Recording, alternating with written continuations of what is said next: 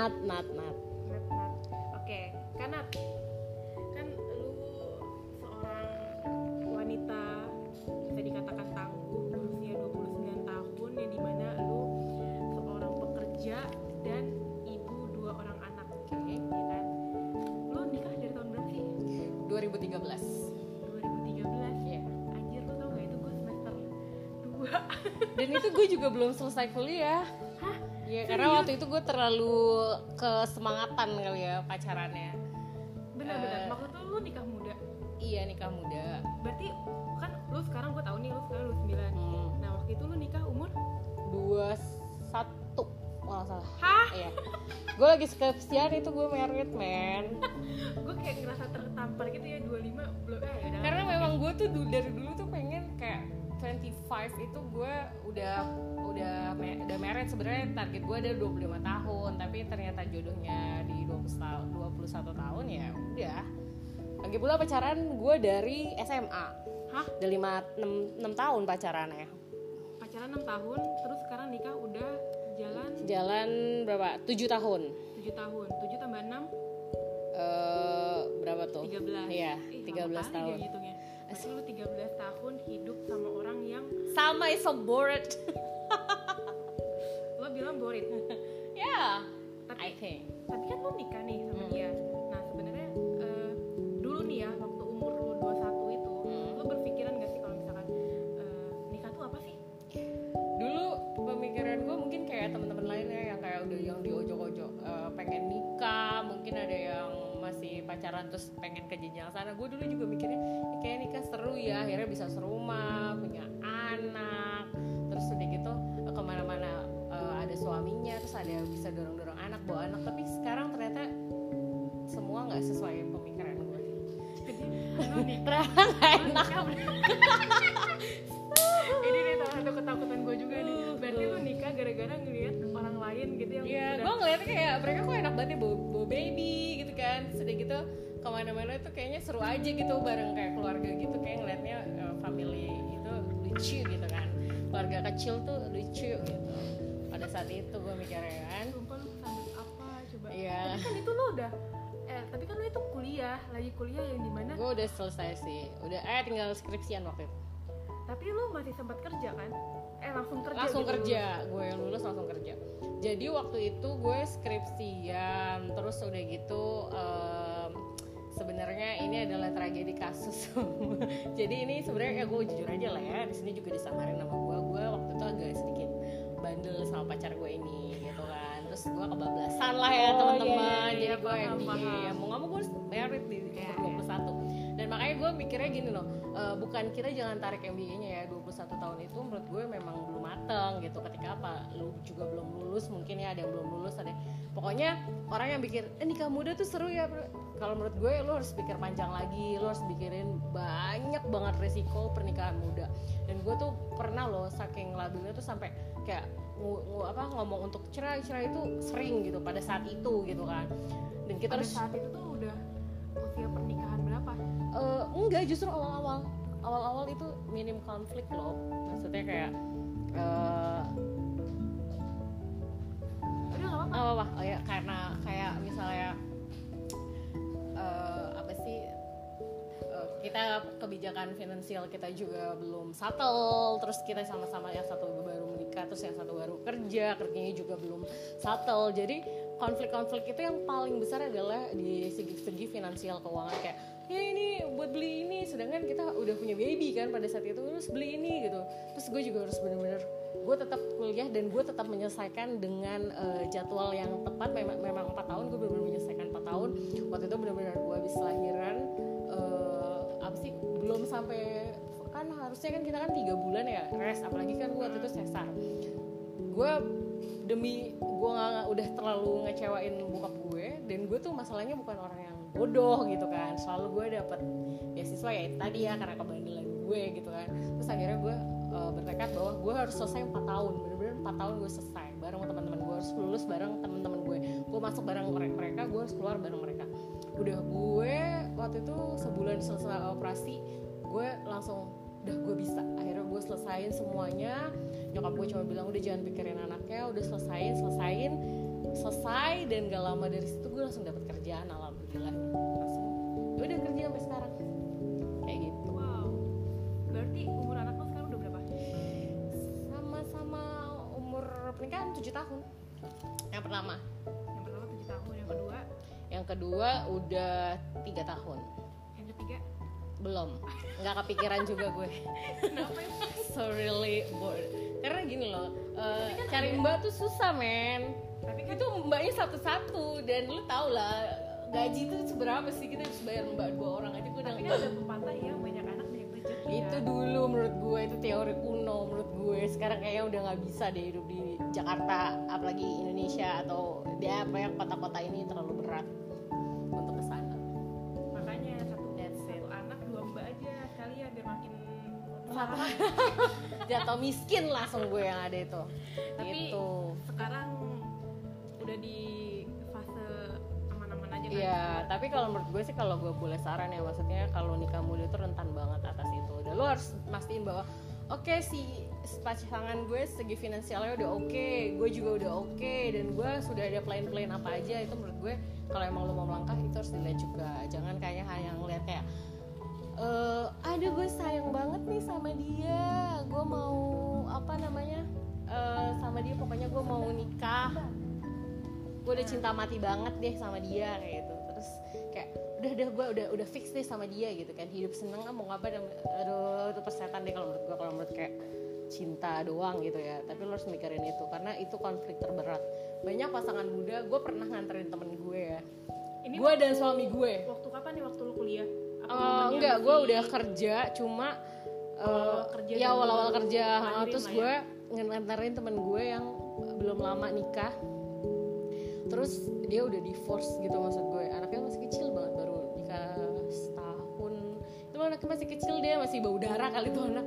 Itu udah divorce maksud gue. Dan di sana tuh gue ketemu sama yang lebih muda-muda lagi dari gue. Ya Allah gue bilang gila ya ini orang-orang yang mungkin eh, entah ada kasus sama kayak gue atau memang dia memutuskan untuk nikah muda. Jadi harus menurut gue harus dipikirin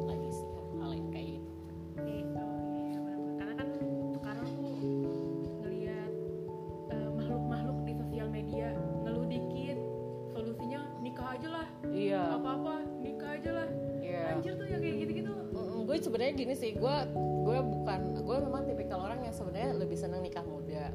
Terus tapi di satu sisi eh, jangan kayak wah gue udah kebentur nih gue 30 misalnya kan cewek itu kan biasanya batasnya 25 kalau udah 30 aja udah dibilang tua gitu. Cowok batas 30 iya, kalau udah 35 dibilang tua.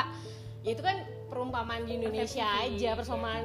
Ya namanya orang-orang dulu kan eh, ngomongnya kayak gitu gitu kan. Terus ya udah akhirnya eh, apa sih gue sih menyarankan mungkin eh, bukan lebih ketua ya. Mungkin maksudnya orang dulu itu kenapa lu nikah ta- umur 25 tuh udah tua? Karena 30 itu masa produktivitas lu mungkin udah nggak bagus lagi. Kayak yang umur lu 25 gitu. Untuk punya anak mungkin susah kali. Jadinya mikirnya ih jangan jangan ketuaan. Mikirnya mungkin gitu positifnya aja. Cuma gue sih menganut yang menikah menikah muda lebih bagus. Karena gue pengen ketika gue masih belum umur terlalu tua anak gue udah pada gede-gede gitu. Jadi kita masih bisa jalan bareng masih bisa kayak gitu gitu maksudnya masih bisa komunikasi dengan enak lah gitu sesuai dengan ininya zaman. Iya, asik. Anjir kok gue jadi kepikiran. Eh enggak, enggak, enggak. yes tapi kalau ngomongin soal cerita-cerita kayak gini kan biasa aja ya. Mm. maksudnya kayak nggak ada eh pokoknya ya nggak ada goalsnya gitu Iya. lah kalau buat gue cuman ada satu hal yang eh, mau gue tanya nih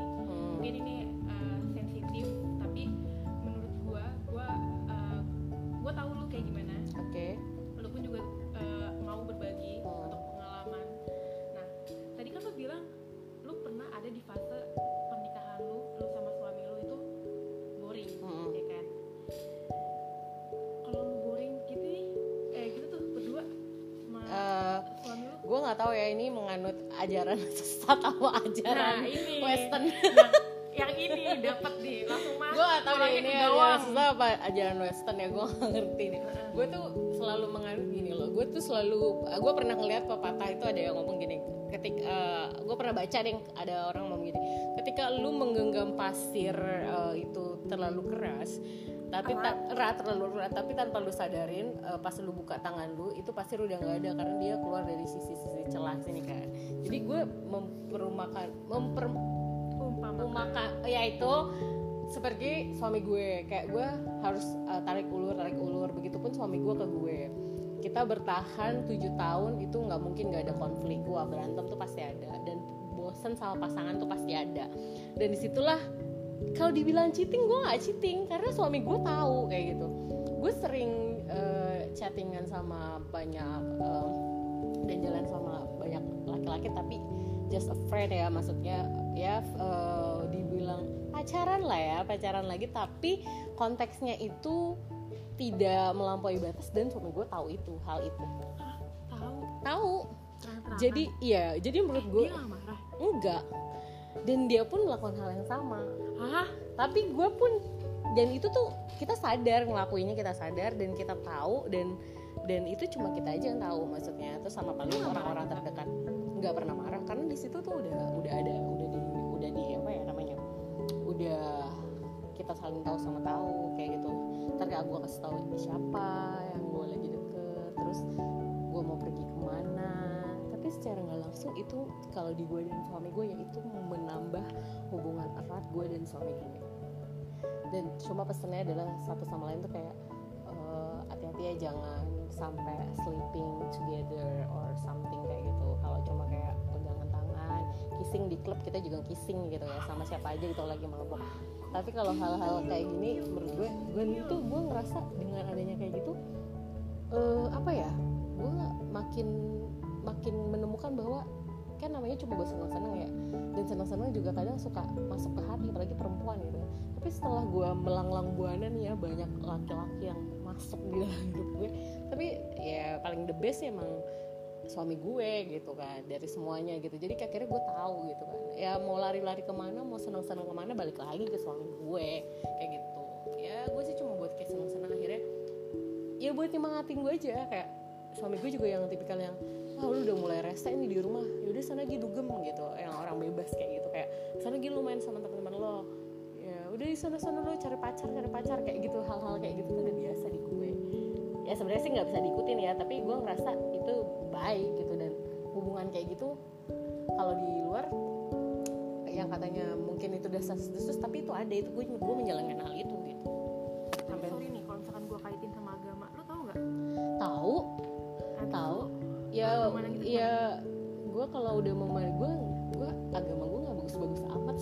tapi gue sih balik lagi ya uh, ya ya gue nggak tahu ya yang jelas sih salah banget gitu.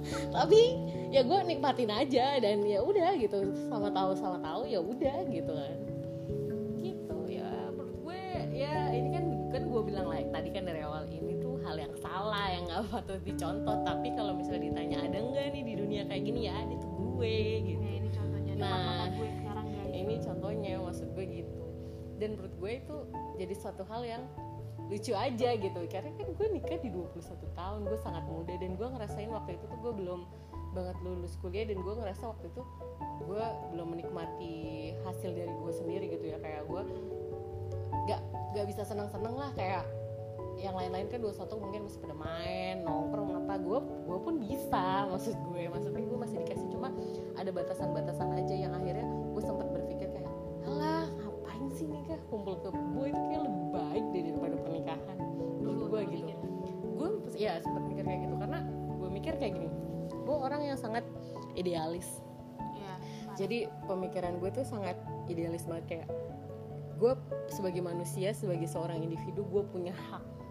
Ya kan? Kita lahir semua punya hak masing-masing ya kan? Punya hak untuk apa pun gitu sebagai hidup. Dan gue ngerasa saat pernikahan oke okay, kita ada hak yang maksudnya kita ada kewajiban yang harus kita jalanin gitu kan. Tapi banyak banyak yang gue lihat itu bahkan banyak yang gue lihat itu lebih kayak jadinya hak kemerdekaan sebagai seorang individunya itu juga diambil gitu. Jadi kita juga harus merhatiin itu. Gue ngerasa kayak wah semenjak awal-awal nikah tuh gue ngerasa hak individu gue juga diambil sebagai seorang yang harus bersosialisasi dengan orang lain. Gue juga harus punya kehidupan gue gitu. Nanti kalau misalnya gue ngebahas kayak ya kan gue juga berhak dong dengan kehidupan gue. Eh inget ya lu tuh istri gitu. Nah hal-hal itu yang akhirnya buat gue jadi ah kumpul kebo itu yang paling bener udah. Dia nggak bisa ngatur gue ya lu mau seneng sama siapa siapa terserah.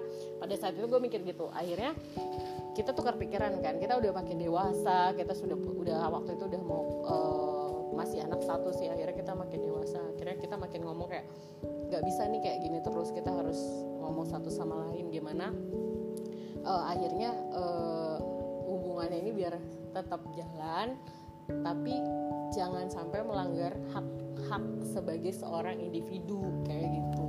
Ya gue juga tidak melarang dia untuk berteman melarang dia untuk ber gue nggak pernah pusing kayak lu mau jalan sama cewek lu mau jalan sama cowok gue kayak nggak pernah pusingin hal itu tapi ya udah lu jalan aja.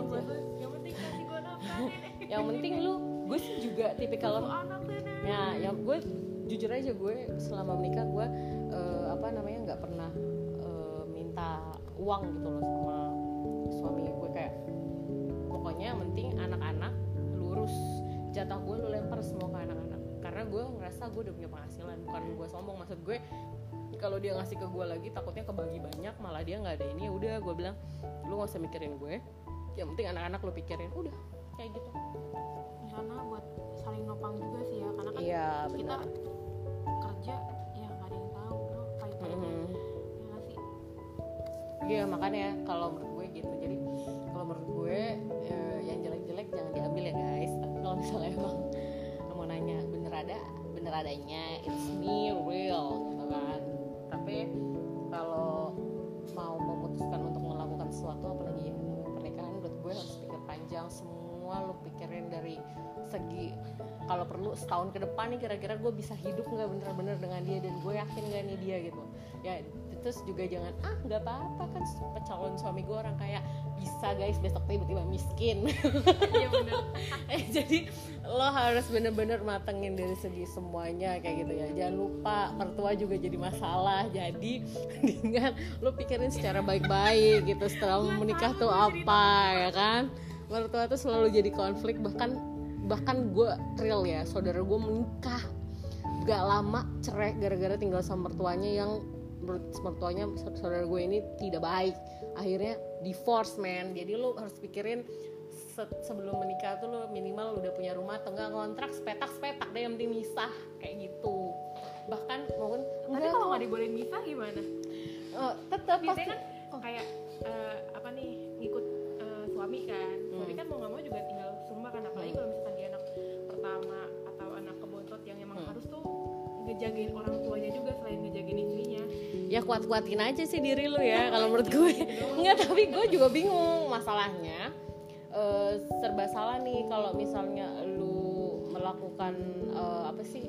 Ya gimana pun ya dia udah punya. Tapi menurut gue juga apa ya si suami harusnya misalnya nih tinggal dia tinggal sama si mertua dari suami ya ya harusnya ngasih ke in- information ke mertuanya kayak gitu kayak bisa lu menyamakan dia dengan eh, apa mau jadi pemikiran lo kayak gitu. Kalau misalnya lo mau kayak gitu susah men kayak gitu. Tapi di satu sisi nanti apa namanya kita pun jangan berusaha jadi orang lain. Berusahanya itu adalah ya udah sebaik mungkin aja gitu. Ngikutin apa jadi maunya dia. Tapi kalau gue sih kayaknya nggak sanggup deh tinggal sama mertua. Gue aja jauh dari mertua gue gue berantem mulu sama mertua gue ya kan? Mertua lu? Iya gue nggak sanggup Kan gue bilang. ya lu nggak sanggup karena mertua lu gitu. Iya. coba baiknya kayak ibu peri. Ya susah deh. Pokoknya kalau menurut gue sih mendingan. Mendingan. Sepetak sepetak yang penting udah lu tinggal sama laki lu. mandiri dari nol banget berarti yes ya, ah, bener bener banget. Gue soalnya dulu abis nikah nih abis nikah banget besoknya gue tinggal di kontrakan laki gue. Men- meninggali apa pergi dari rumah orang tua gue dan fasilitas semua yang dikasih gue tinggal di kontrakan yang ya Allah Ya, sedih apa-apa. banget. pakai karpet aja. Eh tau nggak? Bukan pakai ini nih pakai plesteran men. Yang di bawahnya masih plesteran. Anjir masih yang Eh, iya. oh, oh, masih yang plesteran. Terus gue harus beli karpet. banget itu? Iya, gue harus beli karpet. Kalau siang panas banget, kalau malam dingin banget, sedih deh pokoknya. itu berapa lama Kayak gitu. Di gue gue setahun setahun tapi anak gue nggak tidur sama gue. Akhirnya tid- karena mungkin nggak jauh dari nyokap gue. Oh, rumahnya masih dekat, cuma- iya cuma mak gue nggak mau anak gue di situ. Anak gue kalau malam tidur di sana. Jadi dia nggak pernah tidur di kontrakan sama maknya yang ngerasain secara nggak pernah anak gue. Tapi akhirnya gue balik lagi ke rumah nyokap gue itu karena nyokap gue meninggal terus adik gue sendiri eh adik gue sama bokap gue cuma sendiri. Ya udah akhirnya gue suruh pindah ke sana. Ya udah gue pindah lagi ke sana udah akhirnya sekarang nggak lama itu bokap gue nikah lagi udah gue tetap di rumah itu sama adik gue. Gitu. Nah itu perjalanan hidup gue guys. Masih ada lagi guys. Lu juga harus uh, sabar. Apalagi kan gini ya nyokap gue udah meninggal terus bokap gue nikah lagi. Eh yang namanya materi beneran ada guys. Beneran ada beneran nyata adanya. Gue pikir cuma di sinetron doang ternyata beneran ada apa abis yang ada sinetron maksudnya kejam-kejam Iya yang ibu tiri lebih cinta pada ayahku saja dan harta hartanya itu benar guys ya kan. Hmm. Iya Tau gak sih? Nah bokap gue itu bukan ya bukan gue nggak bilang bokap gue kaya yang jelas dia punya duit. Waktu gue nyokap gue meninggal kita punya mobil punya tanah mobil lebih dari satu. Sekarang sekarang ya kan sekarang bahkan mobil yang diberikan kepada gua ya kan atas nama gua sampai BPKB BPKB dijual karena perempuan sampah itu. Kan pokoknya kan dia nggak serumah sama lu gitu. Lu iya juga kan kehidupan kan panjang. Tuh anak tuh perempuan juga punya anak anak yang mesti dihidupi. Ya kan? Dia kan mikirin diri dia sendiri. Adik gue aja kan diurusin ya kan? Ma- macam apa? Like pembantu menurut gue. Kayak cuma datang ke rumah ngasih makanan terus udah gitu tanpa kayak sos kan gimana pun kalau ibu-ibu itu ya kalau pencerminan ibu ya lu harus bisa bersosialisasi punya ngomong mengayomi nggak gitu pernah. gitu lah buat anaknya Iya boro-boro dia ngobrol sama adik gue. Dia tuh selalu membahas gini Kamu itu adalah Kalau dia tuh sok-sok cing ngomongin agama "Eh, Udah tanggung jawab suamimu Bukan tanggung jawab bapak lagi. Kalau gue minta duit sama bapak gue Dia jawab kayak gitu. Kalau dulu Gue maupun nikah Terus misalnya Pak minta duit pak. Terus misalnya nggak dikasih Mak gue langsung kayak gini Kasih nggak apa sih? Gitu. Ibu Beda ya Ibu kandung sama ibu tir, ibu tiri. Uh abis guys Mobil gue sekarang tinggal satu. Semua mobil gue udah abis pokoknya.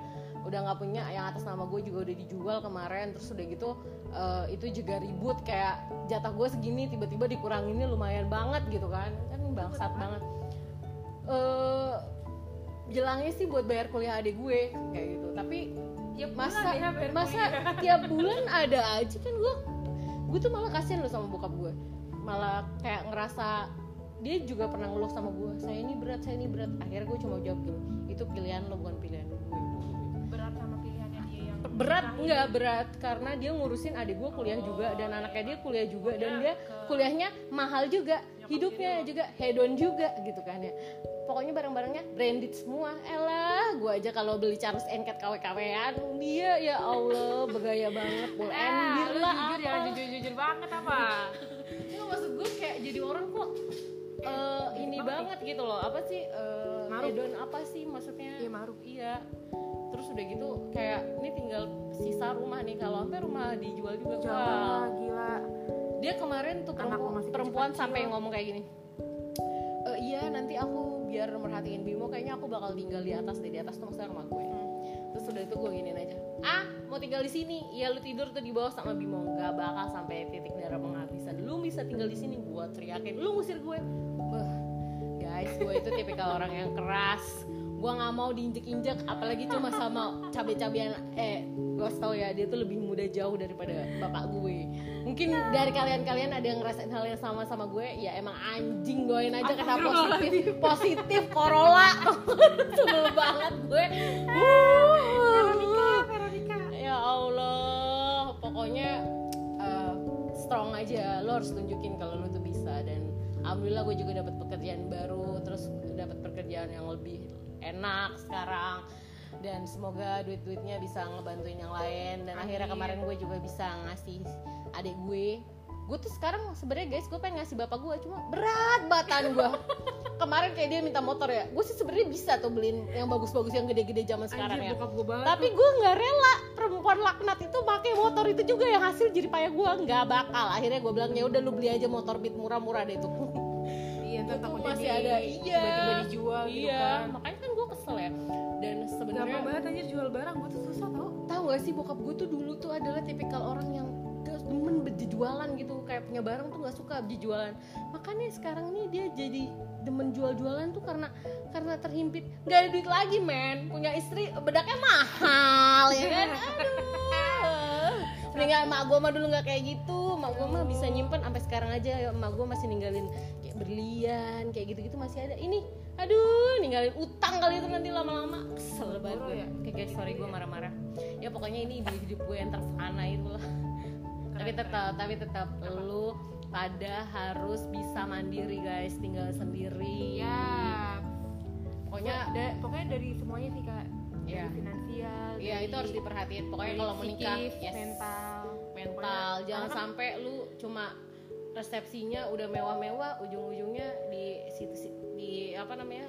Sana pema- pengadilan agama juga iya amit amit ya allah amit amit ya allah. Gue tuh selalu punya cita-cita tuh dulu ya kalau menikah itu adalah uh, pacaran kebetulan memang nih pacar uh, laki gue yang sekarang ini pacar pertama gue Hah? Heeh. maksudnya dulu ada yang deket-deket deket doang tapi nggak Oh, jadi iya. gitu kan iya. kalau ini bener-bener pacar pertama gue dan nikah sama dia juga sama bandel-bandel sama dia doang gitu kan the first and the end gue tuh selalu selalu gini ya Allah gue pengen punya pacar yang ya the first and the end akhirnya ya udah dapet gitu tapi kalau kalau menurut gue sih kayak lu tuh harus kayak apa ya? Bener-bener kesan gue adalah lu udah bener-bener bisa apa nyenengin orang tua lu. Wah udah lu beliin lah semua maunya dia ya. Terus kedua lu udah apa yang lu cita-citakan tuh udah tercapai gitu. Kayak se- sebagian cita-cita lu tuh udah tercapai. Kayak lu mau pendidikan lagi oke. Lu mau beli mobil oke. Oh, lu udah puas nih main-mainnya. Lu udah puas melakukan apa pun hal udah udah pas berarti udah siap yakin lahir batin mau nikah mau dikekang gitu kan. Dah dan lu udah tahu nih tek tek tek teknya dia kayak apa dan sampai lu beli kacang dalamnya ternyata zong gitu kan. Pokoknya lu bener-bener matang dulu baru lu menikah. Jangan mikirin umur deh. Ya dipikirin juga sih jangan jangan sampai 40 juga lu baru nikah. kalau enggak. 40 lu baru nikah kasihan produktif lu juga punya anaknya susah. Iya, palingan ya 30 menurut tuh ya gue nggak bisa ngukur sih ya balik lagi ya. Gue sih mikirin apa? Kesehatan doang.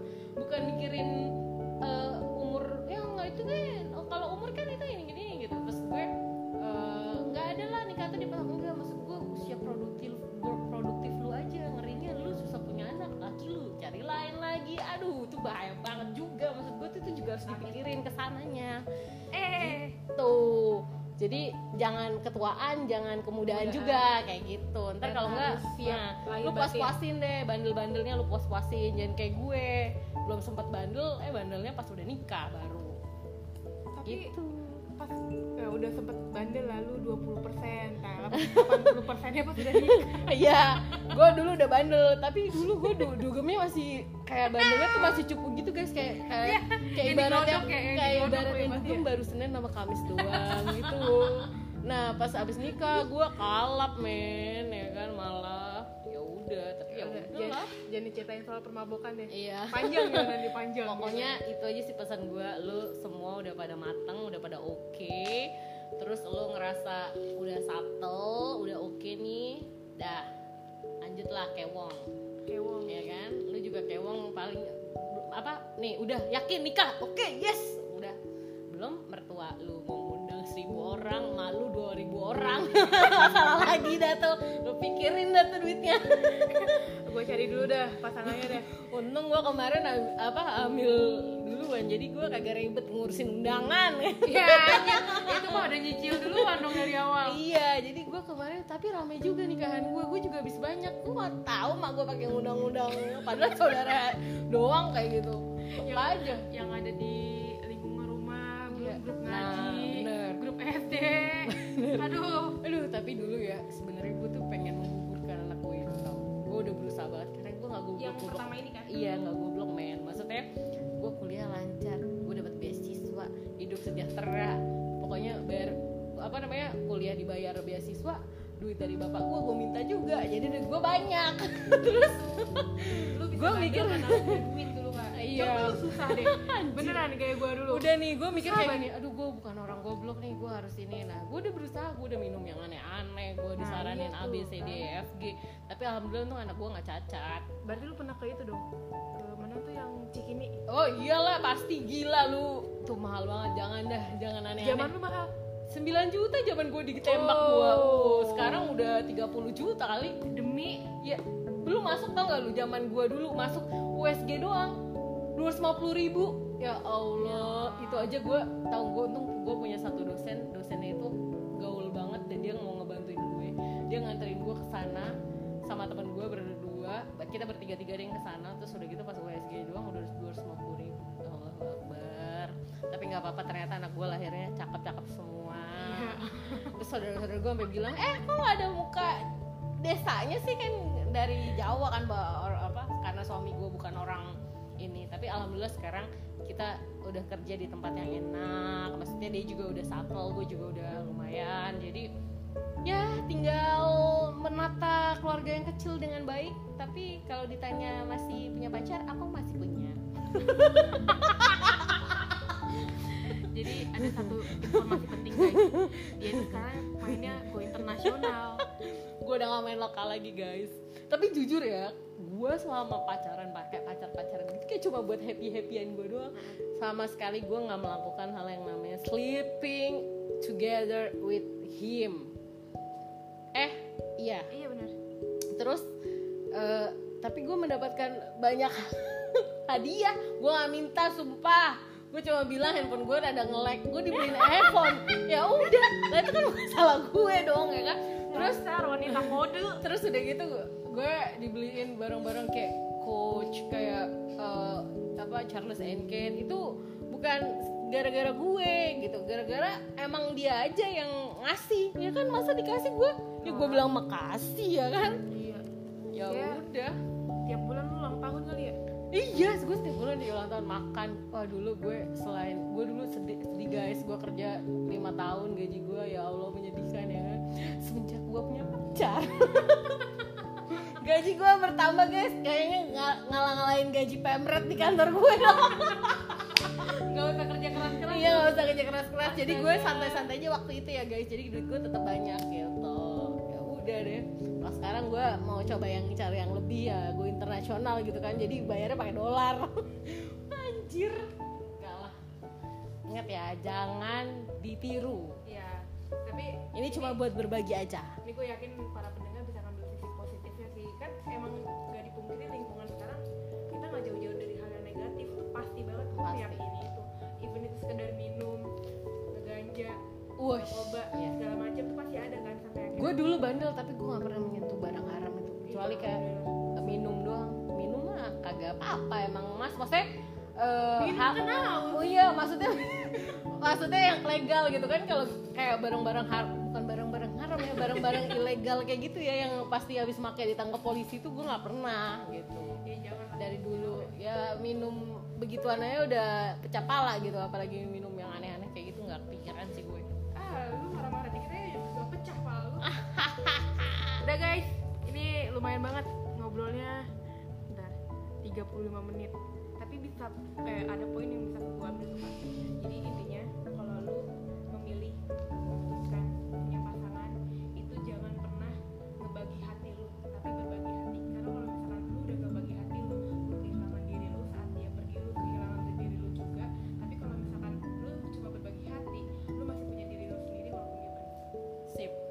Dan ingat-ingat gue juga gue nggak tahu kenapa ya. Mungkin ini takutnya eh, nanti tuh lo bisa eh, kita nggak ada yang tahu ya maksudnya umur pernikahan gitu. Ya bagus lah kalau langgeng-langgeng sampai kakek nenek sampai mati bareng-bareng gitu kan. Tapi gue selalu berusaha berpikir kebanyakan perempuan tuh mikirnya tuh pakai hati. Tapi gimana caranya lo harus main logika juga gitu. Jadi gue tuh selalu terutama adalah dalam hidup gue jadi itu pertama waktu itu tuh adalah orang tua gue. Sekarang pertama adalah yang gue tekenin adalah anak-anak gue. Karena nggak ada mantan anak. Kalau mantan suami ada mantan mertua anak ah, mantan mertua ada. Gue tuh lebih mem, mem- ter- apa sih? Pokoknya paling awal gitu ya pokoknya anak gue. Dan gue harus menyiapkan diri gue untuk untuk apa pun gitu. Jadi kayak eh, ya amit amit amit amit kalau misalnya sampai divorce atau suami gue meninggal duluan gue harus sudah siap hal itu gitu untuk ditinggalin. Jadi kayak kalau gue tuh kalau dibilang sayang sayang cinta cinta tapi tidak berlebihan. Kayak gitu. Harus harus tetap pakai logika kalau gue. Jadi hal-hal kayak gitu tuh kayak nanti lo akan bisa hancurnya lu tuh jadi kayak nggak hancur banget karena lu bisa menata hati lo gitu kalau gue sih yang kayak gitu. Iya sih karena kalau udah bucin ya. Iya bucin ya sebetulnya Kalau bucin. ya.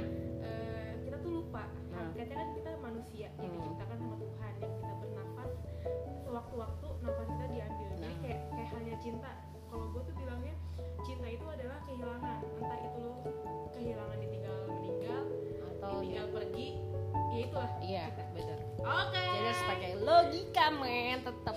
thank you kanan Oke. Sharing-sharingnya. kita pulang Oke. ke rumah jaga kesehatan guys tetap jaga jarak untuk Yes. eh, mematahkan rantai Corona guys. virus corona. Cepet deh. Pusing gue di rumah. Tawuran mulu sama anak gue.